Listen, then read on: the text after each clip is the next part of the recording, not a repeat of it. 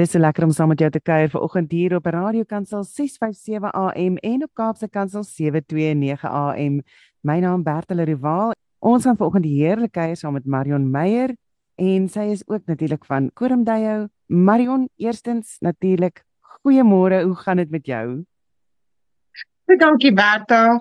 Uh dis lekker om vanoggend met jou te gesels. Hierdie tyd van die jaar waar die blare so verkleur. Ek um, het gou gery en dit is my eintlik so wonderlik hoe God se skepping werk en dit het my herinner dat ons maar deur seisoene in ons lewe gaan en miskien is die onderwerp wat ek en jy vanoggend bespreek ook juist daaroor verskillende seisoene in verhoudings en en hoe ons met mense werk en um, mens besef ook net weer daar's 'n hoër hand want wie kan nou so mooi verf kwas in die oh, natuur gebruik net absoluut. net ons Vader? Absoluut. Ek um, ek ek in myself is ek 'n lente mens. Ek hou van die blomme wat altyd blom maar herfs ja. is my goeie consolation prize. As mense dit so Absoluut. Is my baie mooi ja. uh, en ek het gesien die akkerbome het ook nou al begin die blare te verkleur en en ja, dit laat 'n mens dink ook aan aan die vers, verskillende seisoene waardeur 'n mens beweeg in jou lewe. Uh en ja, en, ja. en dat dit oukei okay is om deur die seisoene te gaan. En ehm um, ek dink iemand het eendag gepraat van die winter van jou lewe wat baie keer moeilik is. Ehm um, maar waarna jy dan kan uitsien is die lente. Want daar is Absoluut. altyd 'n lente. So ja. Is dit ja, dis interessant wat jy sê want ek dink baie keer word lewensfases ook daarmee vergelyk, nê, nee, dat as die herfs kom in wat ouderdom betref, besef jy jy gaan nou nie weer terug gaan na die lente nie. Maar gelukkig werk alles nie so nie. Jy weet, 'n drama, trauma, um, dit waarmee ons by Koram deel werk verhoudings jy weet gaan maar deur gelukkig uh, deur seisoene en soms as daar as daar winter is al is dit hoe koud, al hoe is dit koud, al is dit hoe alleen, kan 'n mens soos jy sê uitsien na 'n lente wat. Ja, absoluut. Ehm um, o, maar goed, ons het nou heeltemal van trek af gegaan sommer met die met die lente en die seisoene. Kom ons begin met die begin en ek vra vir al my gaste, uh hoe het jou verhouding met die Here begin? Toe jy besef het hierdie is nie net kerk toe gaan nie, hierdie is nie net 'n geloof nie, hierdie is nie net om aanvaar as my verlosser nie, maar hier is 'n verhouding tussen my en hom. Weet jy Bertha, ek was baie geseënd om uh, in 'n gesin groot te word wat ons regtig ehm um, die Here, sy genade, Jesus Christus, die Heilige Gees, saam met moedersmelk ontvang het. Ek kan eerlik sê ek het dit nooit bevraagteken nie. Ehm um, mens gaan deur stadiums van verdieping, ek het definitief deur 'n verdieping in my verhouding met die Here gegaan. Ehm um, want by ons was dit dit was nie onderhandelbaar nie. Jy het kerk toe gegaan en kakkesasie en al die dinge. En vandag kan ek terugkyk en sê hoe dankbaar ek is oor daardie goeie ritme wat in ons huisgesin altyd teenwoordig was. Ons ons lewe het baie rondom kerk en familie gedraai en vriendekring en so aan. Maar dan kom 'n mens uiteindelik jy staan op jou eie voete. Ek het universiteit toe gegaan. En dan staan 'n mens voor keuses, jy weet.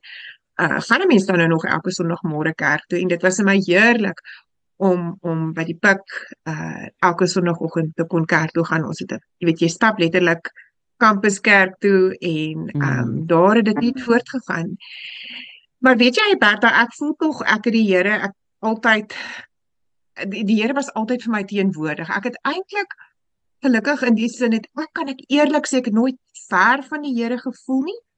Maar ek het beslis in tye wat dit met my ek het deur 'n baie moeilike tyd gegaan so 10 jaar gelede en um vir die Here besonder besonder naby aan my gevoel.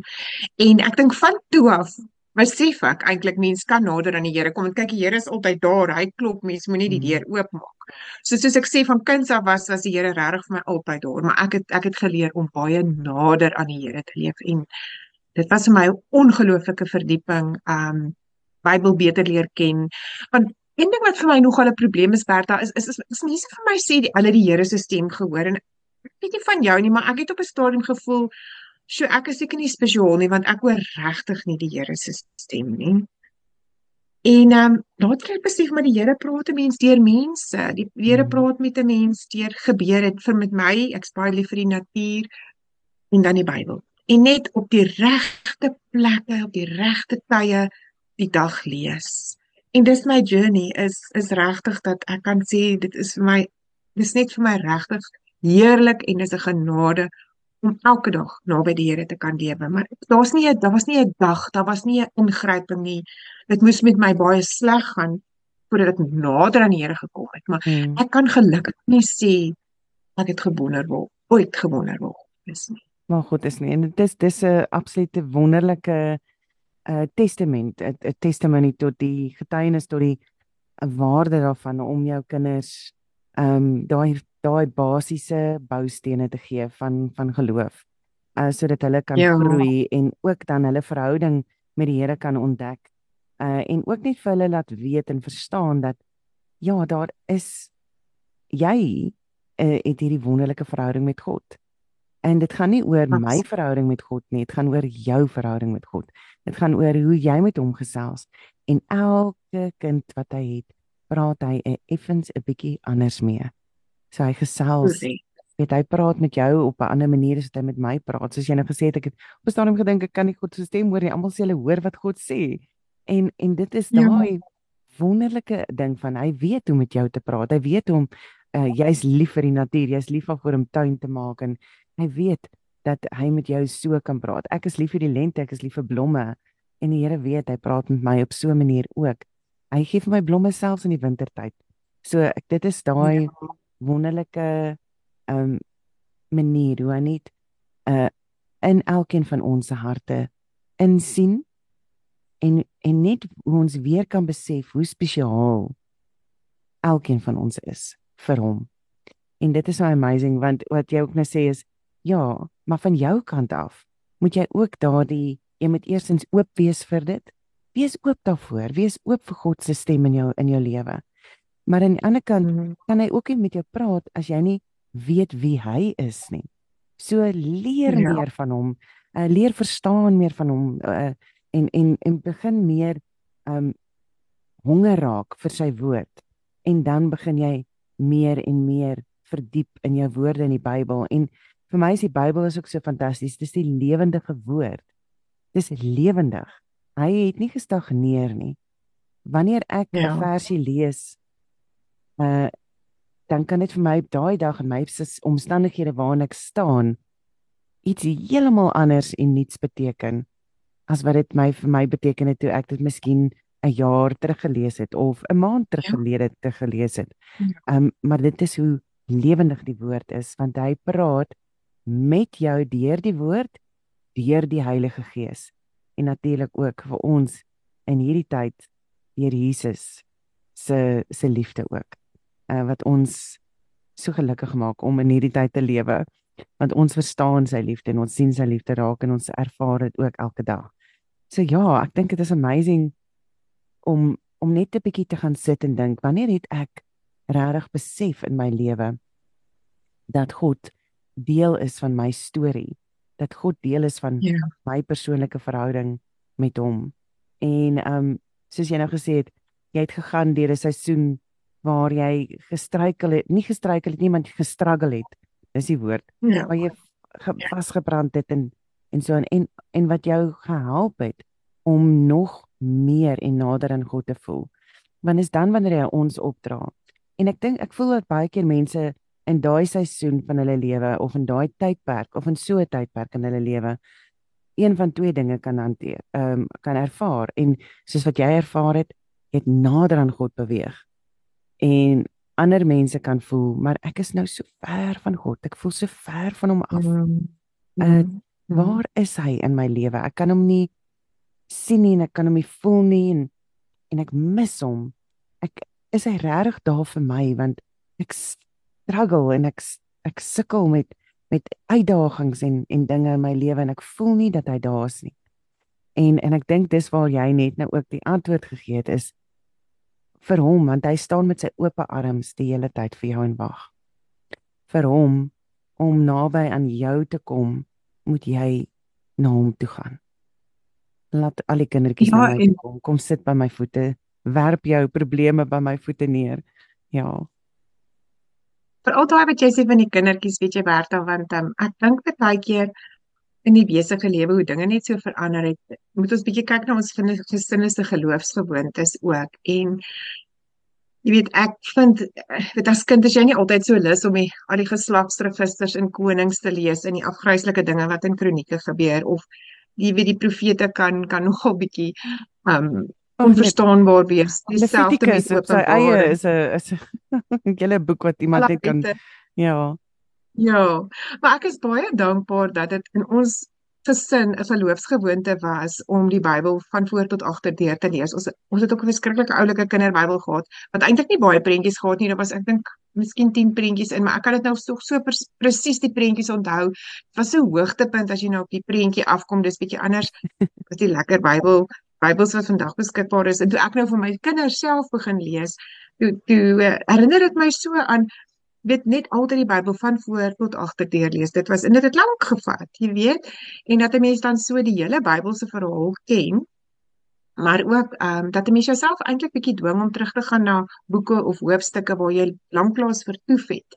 Mm. En ek het baie waarde daaruit gevind. Myself bietjie ons doen dit deesdae, so ons gesins Bybelstudie is so bietjie uitdagend. Sê kom ons lees boeke wat wat ons min gelees het. Jy weet dat ons onthou God het vir ons oral iets te sê weet maar ek is baie dankbaar vir my ouers wat daai geloofsgewoonte baie goed al gevestig het en my kinders ook jy weet want jy laat hulle op die ou end vry in die wêreld my kinders is jong volwassenes en en dat 'n mens sekerheid het hulle hulle hart is by die Here en dat hulle weet ook net soos wat ons ons liggame moet oefen met ons elke dag oefen ook om ons um, daai spier spiergeheue muscle memory waarvan ons praat in sport mm. dat jy dit ook het in terme van jou godsdienst want baie keer as jy so verlore voel of as dinge rof gaan of as 'n mens besig raak dan kan jy in jou kop ook vertoef by by die woord want dit is daar dit is daar ja en die in die in die stukkies wat wat vir jou iets beteken kom dan net weer terug en dit dit uh, weet dit die onderskraging en ondersteuning uit die woord kom net weer terug so dit is 'n uh, 'n wonderlike basis vir jou vir jou lewe Marion daai daai verhouding wat jy het met die Here. Uh, hoe het jou lewe verder getrek en tot waar jy gekom het met die punt van ek wil graag met mense help. Ek wil graag mense help om weer ehm um, uh hulle self te vind, om hulle seisoene deur te kom of of om die uitdagings wat in hulle lewens is uh vir hulle te kan ehm um, help om hulle daardeur te trek. Sjoerd, ek was baie gelukkig en ehm um, dat ek gestudeer het presies wat ek moes studeer het, waarvan ek gehou het en dat ek in 'n uh, korporatiewe omgewing in die um, menslike hulpbronne afdeling beland het in opleiding. Ek het eintlik nie gedink dit is wat ek wil doen nie. Maar ek het van baie vroeg in my loopbaan af met mense um, in aanraking gekom deur middel van opleiding eintlik en nader aan die groter menslike hulpbron prentjie. En dit het net so uitgedraai dat ehm um, ek baie moes leer. Ek wil mens weet maar eintlik bitter min as jy universiteit verlaat. En uh, ek het later het ek um, begin vryskut werk want ek wou graag die korporatiewe wêreld het vir my net regtig moeilik geraak om ou mamma wees te balanseer met studeer um, en en ook um, eie drome uitleef en werk en toe ek begin vryskut werk. Jy het nog nie klaar gestudeer nie, jy nog aan die gang. Nee. Ja, ek het of ek hou, ek het in 'n huis ook groot geword waar akademie dit is dit is 'n deurlopende tema. So ek het formele formele 'n uh, eh, BCom kommunikasiekundige begin studeer. Uh dit was maar my pa gewerk het reklame en skakel, maar ek het eintlik nooit in 'n omgewing gewerk nie want ek het bedryfssosiologie en bedryfsielkunde ontdek. En toe het ek aangegaan met bedryfssosiologie later. Ehm um, ek het al hoe meer daaroor begin leer en op 'n stadium ja, toe die kinders klein was, het ek my eie besigheid begin in opleiding. Ja. En vanuit opleiding, mense werk nou met groepe, ek het kursusse aangebied. Ek doen steeds oor leierskap, emosionele intelligensie, kliëntediens, die wye spektrum van wat ons dan nou soft skills noem in uh die openbare uh, korporatiewe sektor maar baie sulke kursusse aanbied so sê net maar selfvertroue of selfhandhawing of emosionele intelligensie of leierskap al het mense by my toe gekom en gesê "Sjoe Marion jy het nou tot my gespreek. En weet jy Bertha wat baie vreemd is want nou moet jy weet ek is 'n dopper nê. Nou sal mense vir my sê "Sjoe maar jy het die gawe van profesie Nou jy weet mos nou in die dopperkerk is dit nou glad nie 'n ding nie. Nou dink ek nee nee nee, daai spreekende tale, ek het nie ek het nie daai gawes nie. Ek is nie ek het nie daai ritme nie. Ehm um, ek hou van sing, ek van lofprysing, Bybel lees. Nee, dis vir my baie vreemd. Maar dit mense vir my begin sê jy het vandag iets in die 2 of 3 dag kursus gesê wat tot my gespreek het. Kan ek verder met jou daaroor gesels?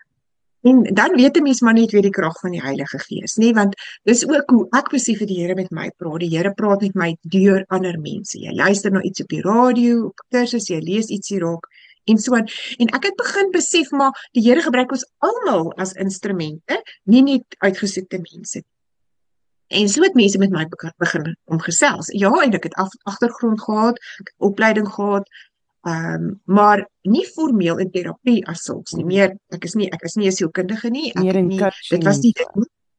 Ja, korporatiewe coaching, maar baie in korporatiewe coaching word dan dit sonder twyfel 95% van die gesprekke gaan maak 'n draai oor mense se persoonlike stories en trauma en en dan die impak wat werk op op persoonlike lewe het en persoonlike lewe op werk.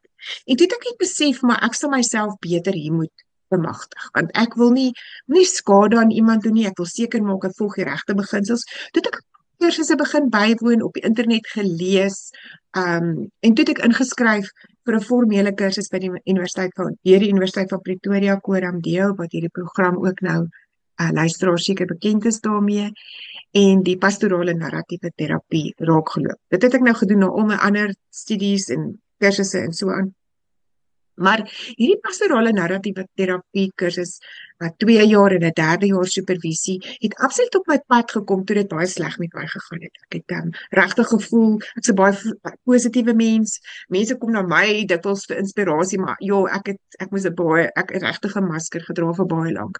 Want my werk was om voor mense te staan en kursusse aan te bied en vrolik te wees. Dit was nou voor Zoom en Teams en so aan kyk jy 5 6 dae 'n week. En en dit het gewerk. Dan ek kon my seer agter daai glimlag agter kennis deel dit mm. want dit is absoluut my passie om om met mense te werk. Maar dan gaan ek huis toe en dan kom jy seer terug. Jy weet jy moet baie hard aan jouself werk.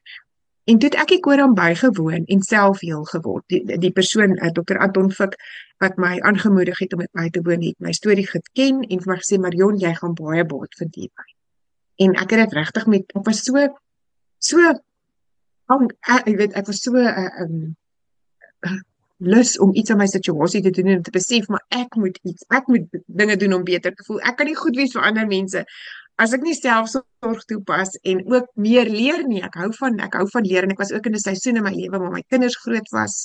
My ouers het albei ongelooflike voorbeelde vir ons gestel en deur ons skoolloopbaan baie kwalifikasies klaar gemaak. My ouers is baie baie goed gekwalifiseer.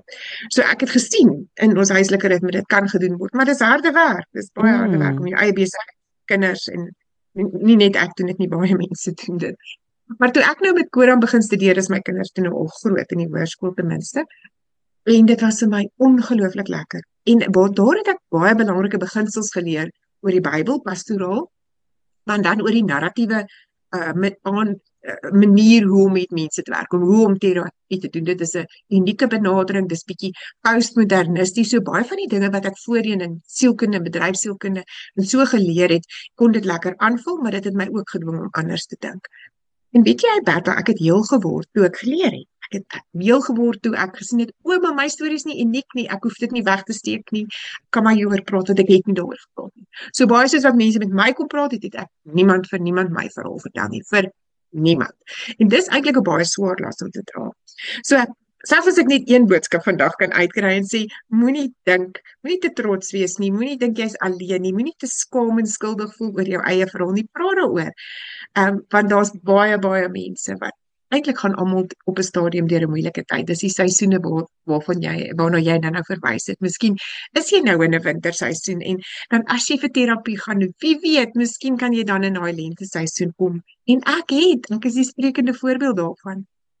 En ek het heel geword want die modules wat ons behandel het, baie van dit het tot my gespreek en die Here het ook net meer en meer mense op my pad gestuur en gesê Marion kan ons asseblief met jou 1 tot 1 kom gesels nie net die opleiding in groepe nie maar 1 tot 1 en hier besef ek maar ek het 'n verantwoordelikheid teenoor my kliënt om seker te maak ek goed gekwalifiseerd maar ook ek was so nuuskierig om die beginsels te verstaan en om 'n lang storie kort te maak werk dis wat gebeur het ek het die kwalifikasie gekry die mense die Here het al hierdie mense op my pad gestuur So vandag sien ek graag my persoonlike visie as ehm um, ek wil graag mense en organisasies help om beter weergawe van hulle self te word.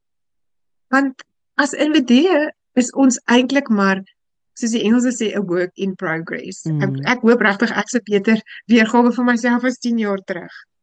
En baie keer is mense slegter weergawe en dat jy net weer daai daai wat jou hartklop uh is weer kan vind of om 'n nuwe paadjie te kan vind.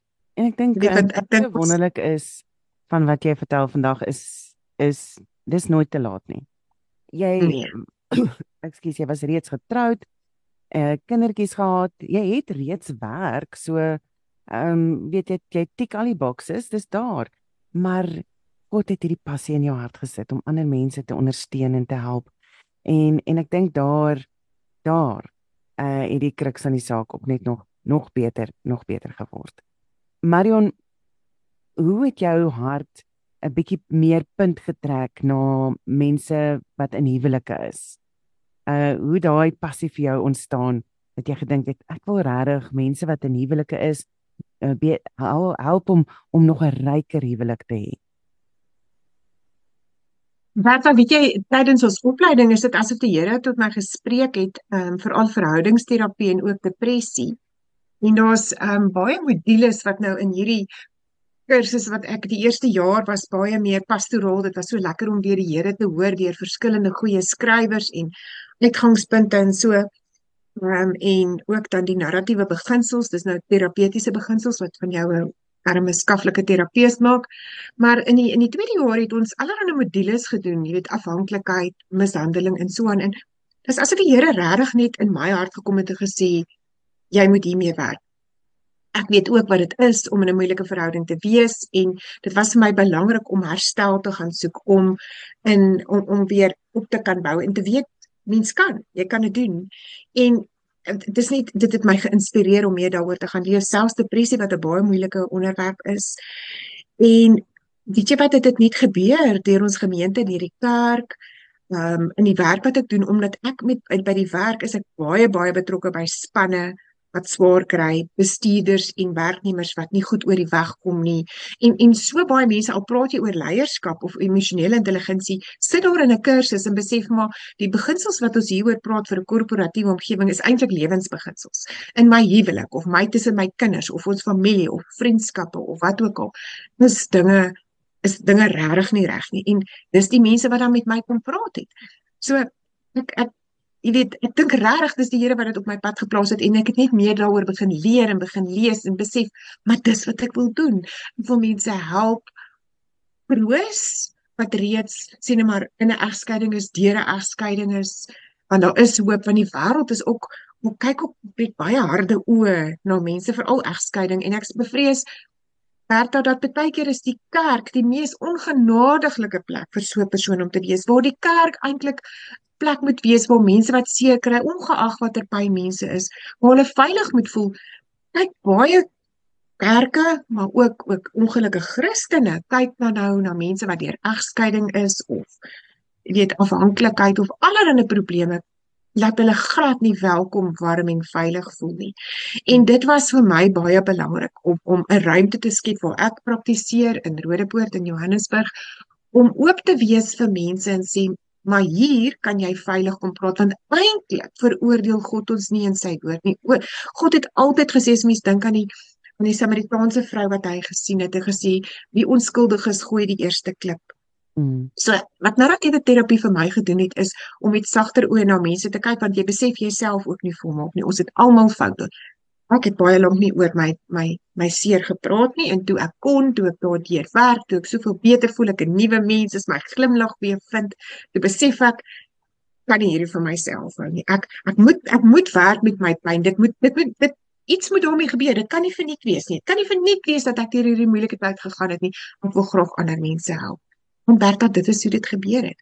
So die verhoudingsterapie wat ons doen is is is baie huwelike, baie mense wat wat wat op die rand van egskeiding staan of wat deur egskeiding gaan of deur daar is of baie lank daardeur is, maar ook baie ander problematiese verhoudings, jy weet. En en um, dis nou nie asof ek hierdie heilige is om al my heile my verhoudings is noodwendig perfek nie, maar as 'n mens buite staan as 'n terapeut kan 'n mens baie dinge raak sien. So ek het ook goed seker gemaak gaan grawe my in in ehm um, deskundiges oor verhoudings en mm. baie leiding ontvang van Universiteit van Pretoria en ander mense, ander deskundiges in hierdie gebied om te wat moet jy lees? Waarin moet jy jouself blootstel? Want mense het baie keer jou eie uitgangspunt, so ek moes ook leer om met 'n baie oop gemoed op 'n op 'n nuwe manier na verhoudings na mense en so aan kyk. 'n Veritable blank canvas sodat jy kan ehm um, verstaan hoe daardie persoon, daai twee se verhoudings werk uh weet hoe, ja. hoe mense hulle kan ehm um, help. En ek dink dis dis wonderlik dat jy sê weet daai uh, wat mense besef dat jy moet die ehm um, veroordeling afskaf. Uh en en daardie ja. moet weggaan. En ek dink dit is 'n groot ja. tema in in Christendom wat ons wat ons sukkel mee is, is jy moet jy moet jou mede-Christen uh koester. Uh jy moet hulle ook uh, as jy sien hulle is op 'n op 'n op 'n rowwe pad, moet jy hulle kan help en ondersteun om die om die lig te sien en so aan, maar jy moet hulle nie veroordeel nie. En daar's 'n baie fyn lyn wat daarso lê. Ja. Jy moet hulle kan ja. ehm um, leiding gee in die rigting waartoe dit sal goed werk. Ehm um, maar sonder omdat hulle voel jy is nou besig om te dink hulle is die slegste mens op aarde. En ek dink dit is En dit is sonder Ja. Absoluut, ekskuus dat ek jou nie rede val. En ook daai ding dat 'n mens moet besef, ek is nie die kundige van jou verhaal nie, jy is. Jy's die hmm. meester van jou verhaal, maar omdat 'n mens buite 'n situasie staan, omdat jy baie keer nie die mense ken wat jy aankom nie, gee God vir mens die hulp om om die probleem raak te sien want ek voel ook ehm um, jy weet ons moenie mense veroordeel nie ons moet gedrag ons kan gedrag veroordeel want ge, weet baie gedrag is verkeerd mishandeling ehm um, lelik praat uh alkoholmisbruik, al daai tipe goed. So ons is geleer om jy jy uh, haal die probleem uit die persoon uit. Jy maak dit twee afsonderlike entiteite. En as jy die probleem kan distansieer van die probleem en jy sit die probleem so half eenkant op 'n tafel neer, jy laat hom sommer so 'n bietjie op 'n voetstuk staan en sê, "Oké, okay, probleempie, hoe lyk jy nou?" Dis baie keer nie 'n probleempie nie, nie. Kyk, is 'n baie groot probleem. En ons bekyk hom van alle kante en jy help iemand net om die probleem van ander kante af te kyk. Help dit ook mense want 'n baie belangrike narratiewe beginsel is is byvoorbeeld um as die die samelewing statistiek demografie daar is vraelyste wat sê byvoorbeeld is jy nou getroud is jy um enkel is jy woon jy is jy in 'n verhouding en of is jy geskei byvoorbeeld en wat baie moeilik vir 'n geskeide persoon is byvoorbeeld is om te beweeg van getroud of van enkel na is geskei Mm. En ek wonder is dit regtig nodig om dit te weet? Jy weet ek het nou net 'n vroutjie by my gesit en gesê sy weier om die skyboksie te doen. Want daar's soveel oordeel daarom en wat maak dit nou saak vir die bank of vir wat ook al wie die vraelys hanteer? Kan dit nie maar net eerder wees getroud of enkel nie. So en, en dit is miskien iets waaroor niemand anders dink nie, maar vir daardie persoon is dit baie seer. En jy maak jou identiteit dan ek is geskei of ek is depressief of ek is 'n verslaafde. En dit is nie. Ek is Marion jy is Bertha. Elke luisteraar het 'n naam. So dit mense eerder sê ek sukkel met die effek van 'n van alkohol Ehm um, alkohol pla my in my lewe. Depressie volg my soos 'n swart hond, soos Winston Churchill ook al daarna verwys het. Ons so mense kan probeer om daai uit jou identiteit te haal en dit is wat ek probeer doen met my terapie en dan veral ook met die verhoudingsterapie en dan die depressie of waarmee mense ook al werk. Dit help mense. Ek sê so baie keer hoe lig mense hulle skouers op en besef maar ek is nie depressief nie. Ek is ek is Maritjie jy weet? Mm. en en dat jy net vir hulle weer daai sien en sê moenie jouself so etiketeer nie. Moenie moenie ook nie dat die wêreld jou so etiketeer nie want daar's aardige stereotypes oor baie ehm um, jy weet geestesgesondheidstoestande en dan op die oomblik word dit jou waarheid en ek glo as jy dan as soveel mense vir jou sê maar dis jou waarheid of dis hoe iemand lyk like, die skande wat rondom egskeiding staan ja, en as dit oor jou uitgespreek word die hele tyd dan Precies. dan begin dit posvat eers in jou dit gaan begin gaan sit en en ek dink dit Correct. is dis so belangrik om dit te skei van die persoon af soos die die uitdaging ja. die probleem die sukkel waarmee hulle sukkel uh of jy sukkel dis nie jy nie. En en ek dink ook baie keer is mense bang om 'n probleem aan te daag, aan te aan te pak of om uit te probeer um uit te pluis of om of om hom probeer wegvat want neem ek nie dan 'n deel van my persoonlikheid weg nie. Maar as jy dan die probleem buite die persoon sit en sê jy as mens is nog steeds daar. En ek dink wanneer mense kyk na 'n verhouding, die liefde tussen julle twee is nog steeds daar. Kom ons kyk, wat is dit wat hap aan hierdie liefde? Wat is dit wat 'n uitwerking het op hierdie liefde wat net nie wat net nie reg is nie? Uh wat of wat wat julle laat voel dat julle nou nie meer lief is vir mekaar nie. So die liefde bly. So dis dis die persoon bly dieselfde in die, in die verhouding. Daai verhoudingsliefde bly daar. Dis net daar word aanslagte gedoen op jou ehm um, op jou verhouding en op op die manier hoe jy na die ander persoon kyk deur dinge wat gebeur. So dit is nie noodwendig daai persoon weet hulle sê leopard never changes his spots, maar daar is tog verandering en groei wat gebeur ja. in mense. En baie keer groei mense bietjie uitmekaar uit en dan kan mense net weer uh maar die liefde bly dieselfde. Is ek nou is ek reg? Weet jy um Martha, ek wil effe van jou verskil want ek dink die liefde wat 'n mens vir mekaar het as jy byvoorbeeld baie jonk verlief geraak het en getrou het, lyk tog anders as jy 50, 60 of 70 is. Mm. Nou, ek moet vir jou sê daar was baie keer mense wat wat mense in terapie sien en wat sê ek is regtig nie lief vir hom nie. Ek is regtig nie lief vir hom nie. Wat mense wat sal sê, weet jy, ek dink nie ek was ooit lief vir hom nie. Ek was ooit lief vir haar nie. Maar jy's reg. Daai daai is mense wil graag mense gaan herinner en sê kom ons lyk hoe daai aanvanklike liefde ge, gelyk daai jy nou sê jy weet wat daar is hy het miskien 'n bietjie verskillende vorm aangeneem want dit is soos amper so speelklei waarmee kinders speel dis nog steeds daai daai rooi klei maar hy het verskillende forme aangeneem so kom ons kyk hoe kan ons hom weer terugbring na 'n vorm wat wat vir julle al twee werk yes, en, en yes. dit is baie die werk interessant is met met ehm um, verhoudingsterapie Bertha is dat ek sien baie keer paartjies en mense ons wil ook graag voorkomend optree. So dit is so lekker as twee mense hier aankom en sê ons ons huwelik is nie die moeilikheid nie, maar ons kom so bietjie ons wil ons huwelik diens of ons wil ons verhouding diens. Ons sukkel bietjie met konflik of jy weet alles het so verander toe ons kinders gebore is of ons voel ons het nie tyd vir mekaar nie. Dis dis regtig lekker as mense op so 'n stadium vir terapie gaan. Soos wat jy nou nog gesê dis nooit te laat nie, maar ek wil eintlik ook sê dis nooit te vroeg nie.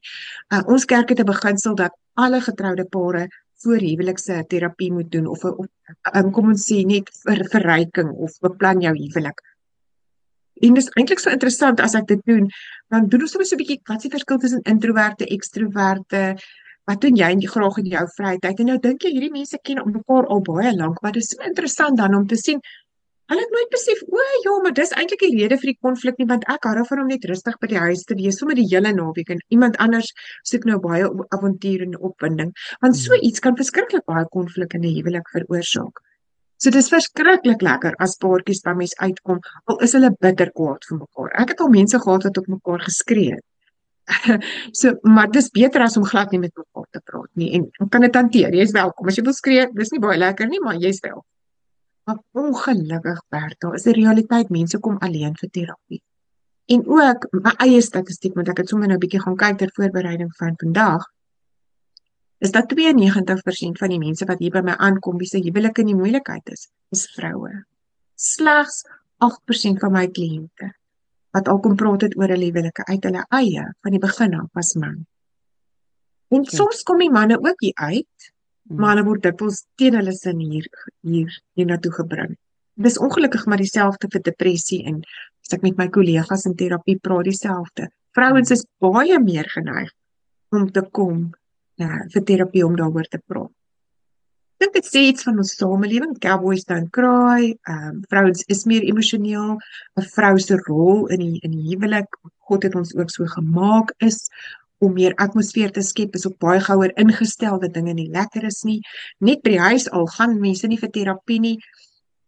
As ek so met mense gesels en in literatuur sê ook dat vrouens is nogal geneig om daaroor te wil praat. Dit maak 'n man baie keer mal want dit voel nou sy gaan so aan en hy wil net die mute knoppie druk en sy herhaal haarself en selfs in in spreuke praat hulle van 'n vrou wat kla is soos 'n lekkende kraan Maar 'n vrou 'n vrou mag kla. Jy mag kla in 'n verhouding. Jy moenie kritiseer nie, maar jy mag kla. En dit is dit is dit wys dat daar is groot nood eintlik vir manne om te om te besef dis dis regtig in orde. Dis 'n goeie ding kom gesels. Jy kan met 'n goeie vriend kom gesels, maar dis moeilik want as jy met familie of jou ouers of jy weet of mense na in jou gesels ja. oor probleme kom ons sê in jou huwelik om julle slaag daarin om dit te herstel is daar baie dikwels tog maar 'n bietjie 'n 'n ander manier hoe ja. dat ja. Die ja, mense die mense kan, met wie jy gepraat het kyk dan 'n bietjie anders na na die persoon oor wie jy gepraat het ja. Nou ja maat.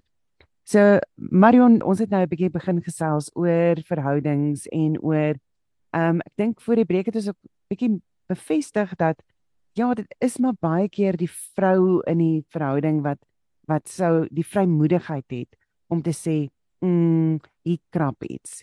Hier is alles is nog nie 100% pluis nie. En ek dink ja. is goed om dan na iemand soos soos jy toe te gaan in daai uh, stadium om om net te begin gesels. Die beste is natuurlik die wenprys is as die man ook dan voel okay goed ek sal kom.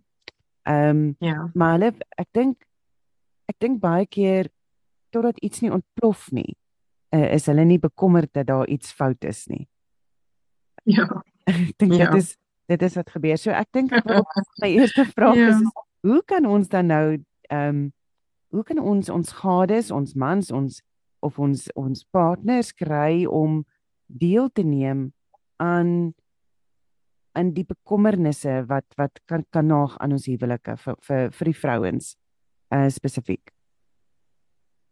Weet jy wat ek dink nogal 'n mans in die algemeen waar ons land is en ook hoe die wêreld is, voel mans baie aangekla. Ek dink mans moes oor die afgelope baie jare hoor hoe hulle regtig dinge moeilik gemaak het in die land vir almal. En hmm, ja. die mans is net in die moeilikheid. Hulle ja. is hulle moet uit die werk stap. Ek lag, dis ek sê ek, ek verkry hulle jammer, dit is nogal dis rof. Ja. En ewe skielik het die vrouens se stem gekry en hulle nou sê hulle nou ook weet en ja en jy skenkie genoeg aandag aan my nie en ek gaan dit nou vir jou sê. En ek gaan nie meer I'm not going to ja. suffer in silence. So met daai hele ding van die empowerment van die vrouens wat teweeg gekom het van hoe hulle hulle stem gevind het nou voel die mans maar nou is alles ons skuld. Ja, en en organisasies ook nie dat jy goed bekwame mans wat nou net nie 'n werk kan kry nie want jy weet daar's soveel faktore wat daarop inspel en en dis ook reg so dat vrouens baie meer geëmansipeer is dat vrouens ook hulle regmatige posisie en natuurlik by die huis staan. Ek dink daar's baie Bybelse diskoerse, die hele idee oor onderdanigheid. Hmm. En natuurlik daar's daar's baie magsdiskoerse. Baie vrouens bly in ongelukkige verhoudings vir finansiële redes. Daar is saamgestem baie jare gelede mamma gaan tuis bly en haar kinders ehm um, grootmaak wat wat 'n wonderlike Bybelse beginsel is en pappa gaan nie werk. Uh, pappa gaan seker maak dat daar's genoeg finansies vir die gesin om mm. genoeg te hê om alles van te lewe. En dis dis dis in 'n gelukkige omgewing werk dit ontsettend goed. Maar as die wiele afval, is dit 'n verskriklike moeilike situasie. Want die, want dan 'n vrou byvoorbeeld en dis luister dit kan aan die ander kant ook gebeur, maar ons weet dis nou nie so dikwels nie.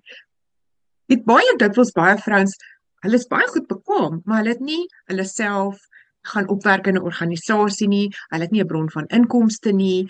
Um en baie baie mense sê ons bly by mekaar vir die kinders. Uh, en ons ek kan nie bekostig om om my eie ding te doen. Die ervaring is nie daar nie, jy weet. Ehm uh, Ja. As jy nou aanstap ja, in jare, ja. dan moet jy ten minste die ervaring agter jou hê om 'n goeie pos te kan bekom. Dit is dis ongelukkig daai daai waarhede ja. wat wat ehm um, wat 'n mens kan voel ek is vasgevang maar daar is altyd 'n uh, uitweg en ek dink die hoop beskaam nooit nie maar ek stem saam met jou. Ek dink dis daai ehm um, dis daai diskurs en, en en nou net vir die luisteraars se diskurs is daai ding van maar dis hoe dit is. As die society ja. as die as die uh, gemeenskap of die wêreld sê dis hoe dit werk. Dis hoe dit nog altyd was. Dis hoe dit is. Dis is dit 'n ja. vrou bly by die huis, sy sê maak die kinders groot, 'n man is by die werk. En man, dis hoe dit werk, dis hoe dit is. Ehm um, jy weet, 'n vrou maak diskus word so en 'n man maak ehm um, man sal braai, weet dit is hoe dit ja. is. Uh of 'n man maak nie, nie kos nie. weet dis dis daai ja. diskurse wat wat wat wat regtig ehm um, van die wêreldse kant af ook nog inspel op 'n huwelik. Absoluut. En weet jy, ons lag nou al. Ek en my man, ons ons so grappie oor die braai want jy weet, in die tyd wat hy nou braai, is alles pragtig vir hom neergesit. Oek en my man maak 'n lekker braai hoor en hy skep atmosfeer met 'n vuurtjie en alles, maar jy weet hoeveel bykosse is gemaak. jy weet so ja, die man het nou gebraai, maar die vrou het ses bykosse gemaak, die tafel gedek, sy het alles gedoen. Sy self jy weet baie keer die vleis ge, gemarineer. Maar dis natuurlik nie oral so nie want dit op sigself sou aaklige stereotipering wees, jy weet. So ek ek wat ook gebeur, wat ek baie hoor is dat ehm um, vroue werk. Jy weet hulle man en vrou saam, hulle lewe begin en dit is fantasties. Albei het lekker hard gewerk en is suksesvol in hulle loopbane. Maar dan as die kindertjies kom of huishoudelike verpligtinge, is daar in baie huishoudings, dis word die meerderheid van die die kinders en die huishoudverpligting rus nog steeds op die skouers van die mamma net soos dan nou van die man vereis word om jy weet die huis in stand hou en so aan en dit is soms swaar dat daar nie 'n mooi rolverdeling of pligsverdeling is nie. So mm. dis lekker om te sien dat in baie moderne huwelike is daar 'n baie beter rolverdeling. Maar dis ongelukkig nie oral die geval nie. Maar as die liefde nou taan, ehm um, weet jy, ek dink tog dit is so belangrik dat mense gaan soek hulp. En asseblief nie by jou beste vriendin of jou ma nie want dit het ons ons het dit nou nou ook bespreek want dit is baie moeilik vir die ander persone om dan weer gesig te wys in daai. En ek dink dit is ontsettend belangrik om lojaal te wees. Vir my is dit een van die ehm um, want dit dit werk op vertroue en dis een van die belangrikste boustene van die huwelik. So as jy kwaad is vir jou gade moet jy nou nie by die mense in jou onmiddellike kring met hom of haar gaan gesels nie want lojaliteit beteken vir my ek is veilig in jou teenwoordigheid in my afwesigheid. So mm. dit beteken as ek nie by jou is nie, gaan jy nie nare goed van my sê nie. Maar as jy nou vir terapie gaan, dan kan jy nou maar kan jy nou maar praat. Dan kan jy nou maar dat daai dat daai konfidensialiteit wat wat saam met dit gepaard gaan. Korrek. Korrek. En jy moet ook weet as as jy na 'n terapeut gaan, 'n goeie terapeut is nie iemand wat vir jou advies en 'n 'n wenresepie van 10 stappe gee om jou huwelik te red nie. Dit werk nie so nie. Die enigste manier hoe mense verhouding beter maak en selfs jy weet ons ons hoop nou dat mense met goeie verhoudings ook nog beter word. Is om eers verantwoordelikheid aanvaar vir jou aandeel in die verhouding. Wat ongelukkig ook gebeur is, baie keer is daar een party wat al twee se aandeel wil dra. En jy kan nie 'n ander ou fix nie. Jy kan nie 'n ander ou regmaak nie. Hmm. In 'n goeie verhouding is daar 'n goeie balans. Dit is so, daar's bepaalde goed waarmee ek beter is en daar's ander goed waarmee my man beter is. Maar as as die verhouding gered moet word of in stand gehou moet word of alles afhang van een persoon, is dit baie ongesond. Hmm. En baie baie uh, huwelike wat in die moeilikheid is, dit kan regtig, jy kan regtig 'n u-draai maak en jy kan regtig dit herstel. Want dit dit vat regtig werk. Maar dit is hoe, baie werk. En, hoe kan 'n mens dan nou uh die gade, die partner, die ander helfte in die huwelik inspireer om ook verantwoordelikheid te neem vir die huwelik se ehm um, demise of vir die vir die krake wat in die huwelik besig is om te wys of vir die stikkindheid daarvan op die oomblik. So hoe kan 'n mens ehm um, daardie stap vorentoe neem en sê goed ek ek, ek weet ek vat verantwoordelikheid vir dit. Maar ja.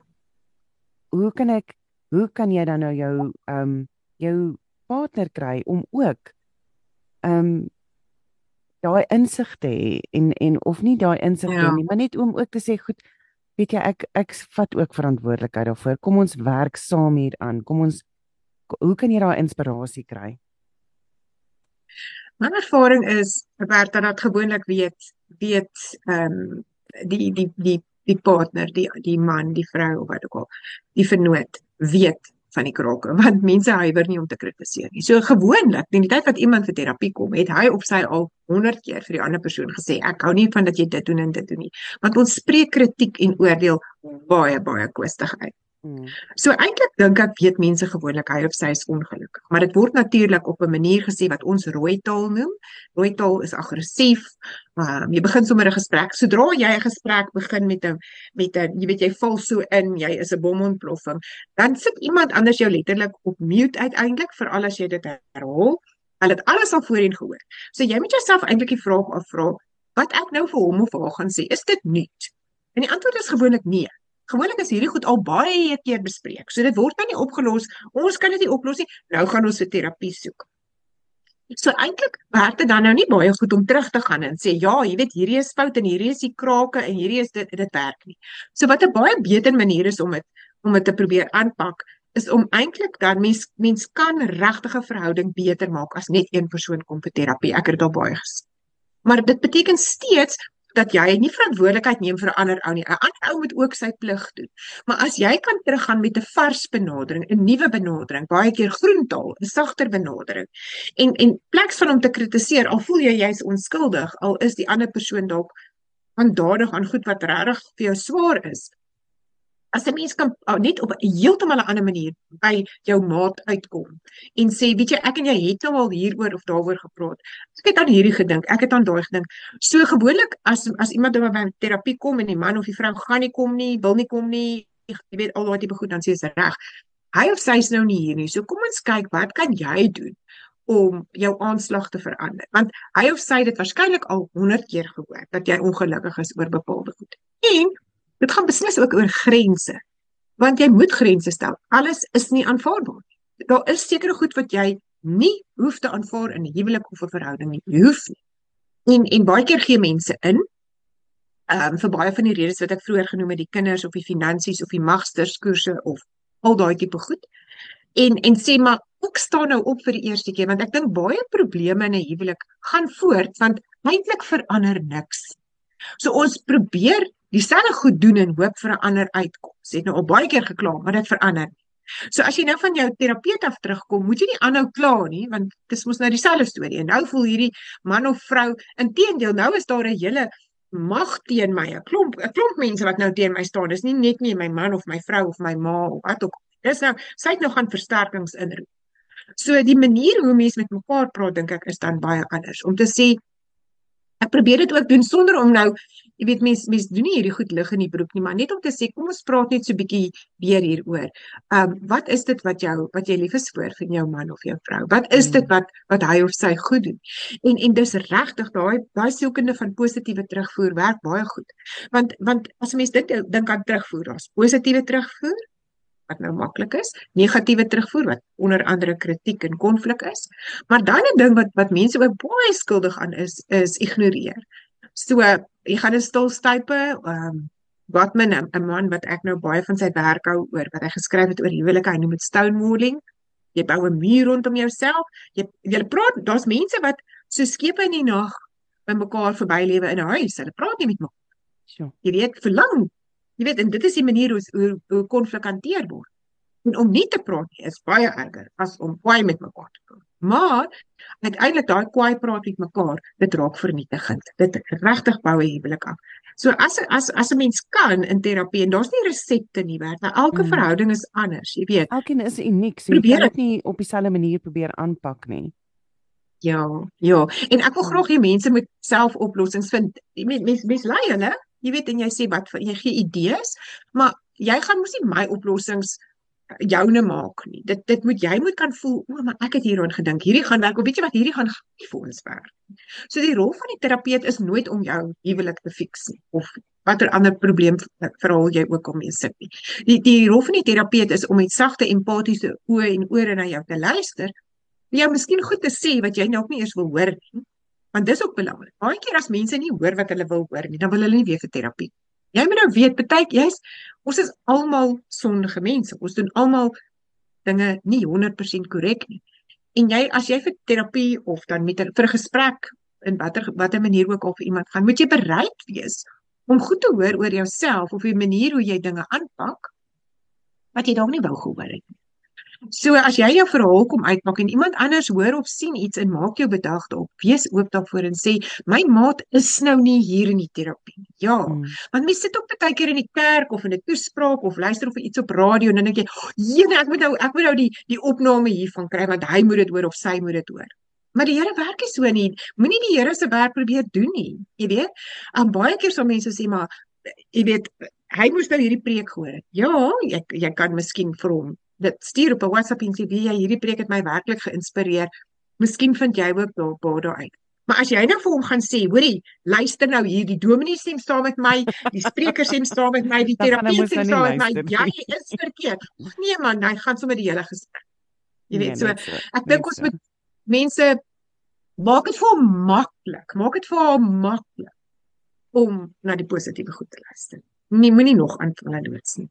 Ja, ek dink ja, is is om die aanvalle te weet te lê en om te sê goed, okay, ek, hoe kan ek net weer met 'n nuwe oog kyk na wat reg is met my huwelik, wat reg is tussen ons en en en hoe kan ek dit versterk en hoe kan ek dan ehm um, die die die jakkalsies wat wat daar is wat nie gaan weghardloop om dit huwelik versterk nie, maar hy gaan hy gaan dan jy gaan dit dan makliker kan aanspreek dalk op 'n ander manier as wat jy dit reeds gedoen het. Ek dink Korrek. En Bertha mens wil graag graag glo en in vee verhale en en jy weet alle stories het alle romantiese stories het gelukkige eindes, maar dis nie die waarheid nie. En dit sou dit sou onbillik van my wees om te sê dat enige van ons weet al is dit die beste terapie ter wêreld kan alle verhoudings red. Dit is eenvoudig nie moontlik nie. En ek hmm. dink baie keer besef mense ook dis regtig nie goed vir hierdie mense om mee bymekaar te wees nie. En ehm um, dat 'n mens dan iemand begelei om dan eerder op hulle eie te wees. En en ehm um, jy weet dat 'n mens eerder 'n happy divorce dan het as 'n very unhappy marriage wat twee mense bitter bitter ongelukkig Maar dis nooit my uitgangspunt nie. Dis nooit waar ek wil uitkom nie. Maar baie keer as iemand my kom sien, het hulle reeds die besluit geneem. Hulle is al besig of die die die, die uh, regsproses het al reeds sy loop geneem of of dit het reeds verloop. Maar dat ons dan ook as gemeenskap, terapeute, vriende, familie, iemand wat deur sweet wat sê net maar deur 'n egskeiding is of wat depressie het of 'n stukkel met met alkoholisme, al hierdie aaklige um tipe van goed in 'n gemeenskap wat wat ons half met nie regtig met genoeg respek jou nie, maar dat 'n mens so 'n persoon veilig laat voel want niemand hmm. niemand kies om deur daai aaklige goed te gaan nie.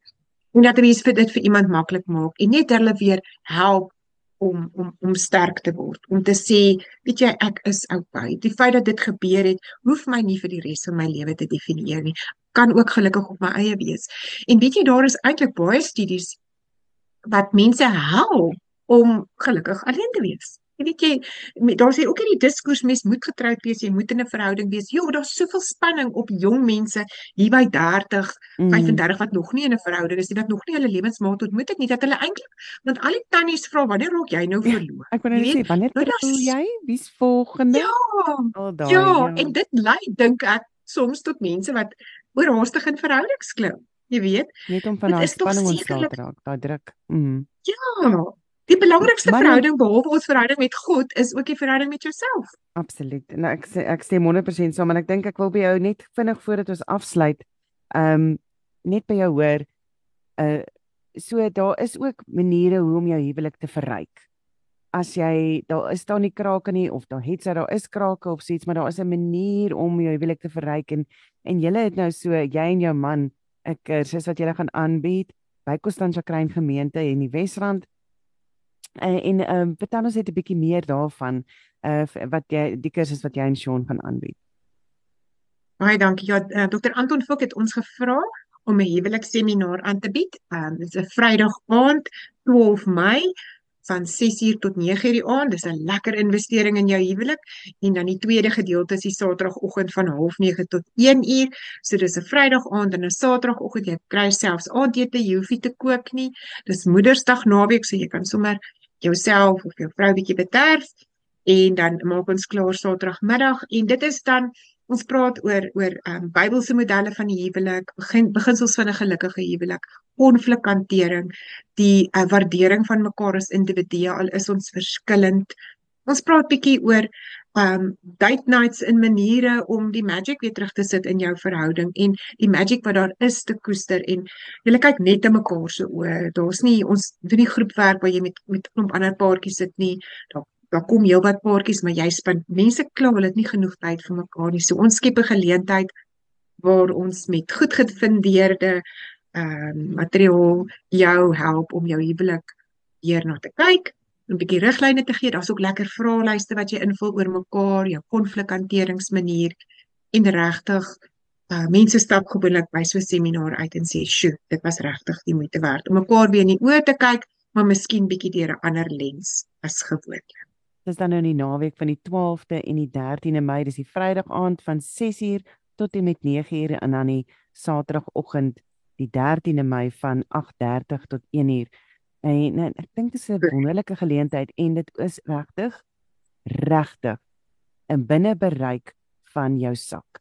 Dit is 'n uh, dit is yeah. end of the month um uh end of the month cookies of wat daai daai baie crack crackers um bekostigbaar. So dit is regtig amazing. Uh wat 'n wonderlike geleentheid om om net jou huwelik te verryk. Uh so as jy nou nog nie naweekplanne gemaak het vir Moedersdag nie, dalk is hierdie 'n wonderlike geleentheid om om 'n bietjie tyd saam te spandeer as 'n moeder, maar weg van die kinders af. En ek dink is deel van ma wees is daai belangrike koestering van van jou uh huwelik en dan ook die uh, belangrike bes, uh, beginsel van jy moet jouself um ook versorg is soveel as wat jy ja. of indien nie meer as wat jy jou kinders versorg en jou gade nie. So ek dink dit is 'n wonderlike wonderlike ding. Hoe kan die mense by julle in die hande kry om om 'n bietjie meer te gesels hieroor? Want as jy nie nou 'n skryfding by jou het nie, kan jy Constantia NG Constantia Kruin se kantoor skakel en die stel is by ontvangs of jy kan my skakel Marion Meyer. My nommer is 082 883 24 0828 dis 082 883 2425 of Constantia Kruin se kerkkantoor vir jou bespreking en ehm um, ons ons uh, bied dit gratis aan. Dit is net 'n bietjie die koste wat gedek moet word vir jou lekker aandete en ontbyt, so dis soos Bertha gesê het, binne jou bereik. En Saterdagmiddag en Sondag is dit weer lekker jou eie tyd om hieroor te gaan dink en te reflekteer lekker. 'n Heerlike heerlike naweek. Uh om ja, ja nou jy huwelik te voed. En en, en jy hoef nie jy, jy hoef nie op op af af op se stoep te staan met jou huwelik nie. Dit kan maar net uh, dit kan 'n nuwe verhouding ook wees, 'n nuwe um kom en en kom leer net meer van hoe om 'n lekker lekker verhouding in jou huwelik te hê. Ja, ek dink Ja, en Bert, ek wil ook net by sê, dis 'n ligte naweek. Jy weet mense mense bespreek 'n ernstige saak, maar dis nie swaar nie. Ons maak dit lig en vrolik en jy weet dat ons meer lekker lekker mekaar in die oë kyk in die in die magic soos ek nou nou gesê het, dat ons dit weer ontdek. Maar dis mos so lekker. Weer die vreugde van die Here is mos oh. nou ook daar teenwoordig in almal van ons verhoudings. So wonderlik. Baie baie dankie daarvoor. Onthou jy kan jy kan vir Marion kontak by stuur maar WhatsApp na 082 083 2425 of ons sê om 082 883 2425. Uh en ja. Baie baie dankie Marion, baie dankie dat jy ver oggend saam met ons gekuier het en ja, net jou wysheid met ons kom deel het en bietjie ek dink inspirasie gegee het vir mense om om weer seker te maak dat hulle huwelike daardie vuur het en daardie passie het en dan ook daardie verstandhouding het met mekaar en dat hulle genade het vir mekaar en en empatie vir mekaar en al daai wonderlike dinge is alles net so in 'n neutedoppie in ons kuier vanoggend vasgevat. Dankie Bertha, dankie dat Radio Kansel ook 'n hart vir huwelik het. Baie dankie.